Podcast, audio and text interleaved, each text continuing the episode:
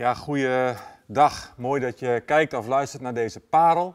Uh, een parel waar ik in, uh, eens even wat meer wil stilstaan bij de actualiteit. Want ik merk gewoon dat er wat meer spanning begint te komen op de, de oproep uh, van Paulus in de Romeinenbrief om de overheid te gehoorzamen. Hoe zit het daarmee? het gehoorzamen van de overheid, terwijl de maatregelen van de overheid er tegelijkertijd voor zorgen ja, dat we niet kunnen voldoen ogenschijnlijk aan die uh, andere oproep in de Bijbel die we in deze tijd ook zo belangrijk vinden, in Hebreeën, om de onderlinge samenkomsten niet te verzuimen. Um, sterker nog, om juist wel samen te komen en elkaar te bemoedigen, en dat des te meer naarmate u de dag van zijn komst ziet naderen, zoals Hebreeën 10, vers 25 dat zegt. Um, ja, dat onderlinge samenkomsten niet verzuimen. Dat is natuurlijk ook de reden waarom er wel in dit land, ook de afgelopen weken, hebben we natuurlijk alles van meegekregen, allerlei kerken wel met grotere aantallen samenkwamen. Uh, maar het schijnt ook wel onder de radar hier in Groningen te gebeuren in gemeentes, waar ze gewoon wel met grotere groepen samenkomen, omdat dit het leidende argument is. En wat ik hier uh, gewoon de afgelopen weken weer een aantal mailtjes over heb gehad, ja, lijkt me goed om dit onderwerp gewoon in deze parel ook maar eens even samen bij de kop te pakken. Uh, vanuit een van die mailtjes begreep ik dat zelfs twee weken geleden de stelling in het tv-programma Hart van Nederland, ik weet wel ongeveer wat het is, maar ik zie het alleen nooit, maar de stelling daar was, kies je voor Rutte of voor de Bijbel? Het moet een beetje lekker bekken natuurlijk, zo'n stelling in zo'n televisieprogramma. Dus gemakshalve is het contrast, kies je voor Rutte of kies je voor de Bijbel? Ook is het natuurlijk niet alleen maar de premier, uh, maar de hele overheid die kerken vraagt om zich aan de coronamaatregelen uh, te houden en om als kerken niet of slechts minimaal fysiek samen te komen als dringend advies. Tja, en als ik dan Romeinen 13 lees, uh, dat is vrij expliciet. Dus, dus, dus het is wel goed om die tekst even goed te lezen. Hoe, hoe zit het dan met het gehoorzamen van de overheid? Daar staat, iedereen moet het gezag van de overheid erkennen, want er is geen gezag dat niet van God komt. Ook het huidige gezag is door God ingesteld. Wie zich tegen dit gezag verzet, verzet zich dus tegen een instelling van God. En wie dat doet, roept over zichzelf zijn veroordeling af. Wie doet wat goed is, heeft van de gezagsdragers niets te vrezen. Alleen wie doet wat slecht is. U wilt niets van de overheid te vrezen hebben? Doe dan wat goed is en ze zal u prijzen. Want ze staat in dienst van God en is er voor uw welzijn. Maar wanneer u doet wat slecht is, kunt u haar beter vrezen. Ze voert het zwaard niet voor niets, want ze staat in dienst van God. En door hem die het slechte doet, ze verdient de straf te geven, toont ze Gods toorn. U moet haar gezag dus erkennen. En niet alleen uit angst voor Gods toorn, maar ook omwille van uw geweten. Daarom betaalt u ook belasting en staat wie belasting int in dienst van God. Ja, ja hoe, uh, hoe, uh, hoe vind je dan hier nu je weg in? Romeinen of Hebreeën? Welke verdient in deze tijd uh, de voorrang? Of hoeven we niet per se te kiezen? Zou dat ook nog een optie kunnen zijn?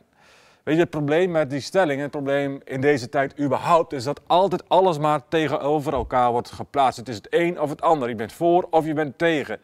Uh, en dan kun je hebben over uh, vaccinatie, kun je hebben over maatregelen, op allerlei dingen. Het is alleen maar voor of tegen. Maar het is nooit het eerlijke verhaal. Heel vaak kun je ook best kijken van, hé, maar kan het ook naast elkaar staan? En ook dit geval hoeft dat niet tegenover elkaar te staan, maar kan dat ook prima naast elkaar staan. En ja, Hebreeën 10, natuurlijk is het een klassieker.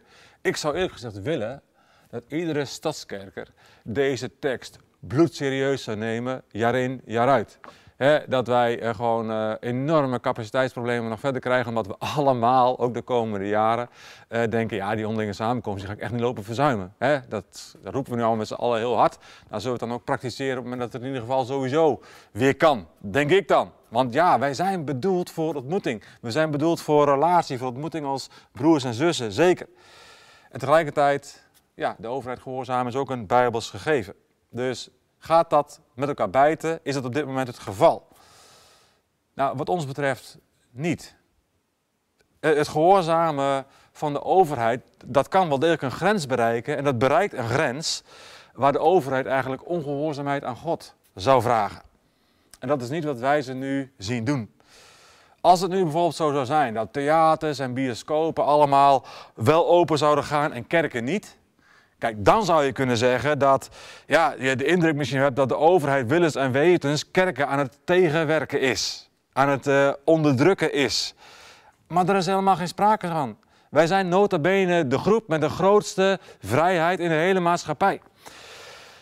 Hoewel we helaas wel heel erg ons best doen om die vrijheden wat nadrukkelijker ook ter discussie te stellen uh, met ons gedrag. Maar kernpunt in de afweging in het heden is, en de kernpunt onder waarom wij wel of niet ook luisteren naar de overheid, geloven wij uh, dat er een pandemie aan de gang is. Die vraagt ook om het gezamenlijk als maatschappij en dus ook als kerken nemen van verantwoordelijkheid. Ja, als leiding van deze kerk geloven we wel dat we te maken hebben met een pandemie. Uh, en wat er allemaal omheen gebeurt en dat er ook allerlei krachtenvelden en hoe dat zit met farmaceutische die niet altijd een schoon geweten hebben, prima. Uh, en dat niet alle maatregelen waar wij niet blij van zijn, ook niet mee eens, prima. Maar in essentie geloven wij dat er een pandemie is. Ja, dat geloven wij, dat er een pandemie aan de gang is. En dat ook wij ons best moeten doen om het aantal besmettingen te minimaliseren uh, en niet mee te werken aan een ongebreidelde verspreiding. Dus wij geloven uh, dat er een pandemie is en dat het daarom niet wijs is en ook niet verantwoord is om onbeperkt samen te komen. Ik hoorde ook van een kerk waar ze dan aan het begin van de dienst gaan bidden om bescherming en dan zal het allemaal wel goed zijn. Um, nou, ik heb daar geen nette woorden voor. Uh, uh, daar vind ik heel veel van. Ook theologisch vind ik daar heel veel van. En vinden we daar heel van. Maar goed, online diensten. Het is verre van ideaal. En toch, als je Hebreeën 10 zo belangrijk vindt, het is wel degelijk ook nog een manier om, om samen te komen. Om samen diensten te hebben. Om samen ons te richten op God. Dus ja, het is een andere vorm. Het is een alternatieve vorm. Maar met de online diensten die we hebben, met de communities die we hebben, kunnen wij nog steeds onderling samenkomen. En daar hebben we het gewoon even mee te doen. En, ja, naast de verantwoordelijkheid die we hebben om het aantal besmettingen eh, tegen te gaan, draagt tegelijkertijd ook een verantwoordelijkheid voor het geestelijk welzijn van onze kudde. En daar waar de richtlijnen soms te rigide uh, worden ervaren, kan dat betekenen dat die laatste verantwoordelijkheid zwaarder gaat wegen. En dat daar ook onze keuzes op baseren. Dat zal steeds opnieuw de afweging blijven. Maar in de kern leven nog steeds in een vrij land.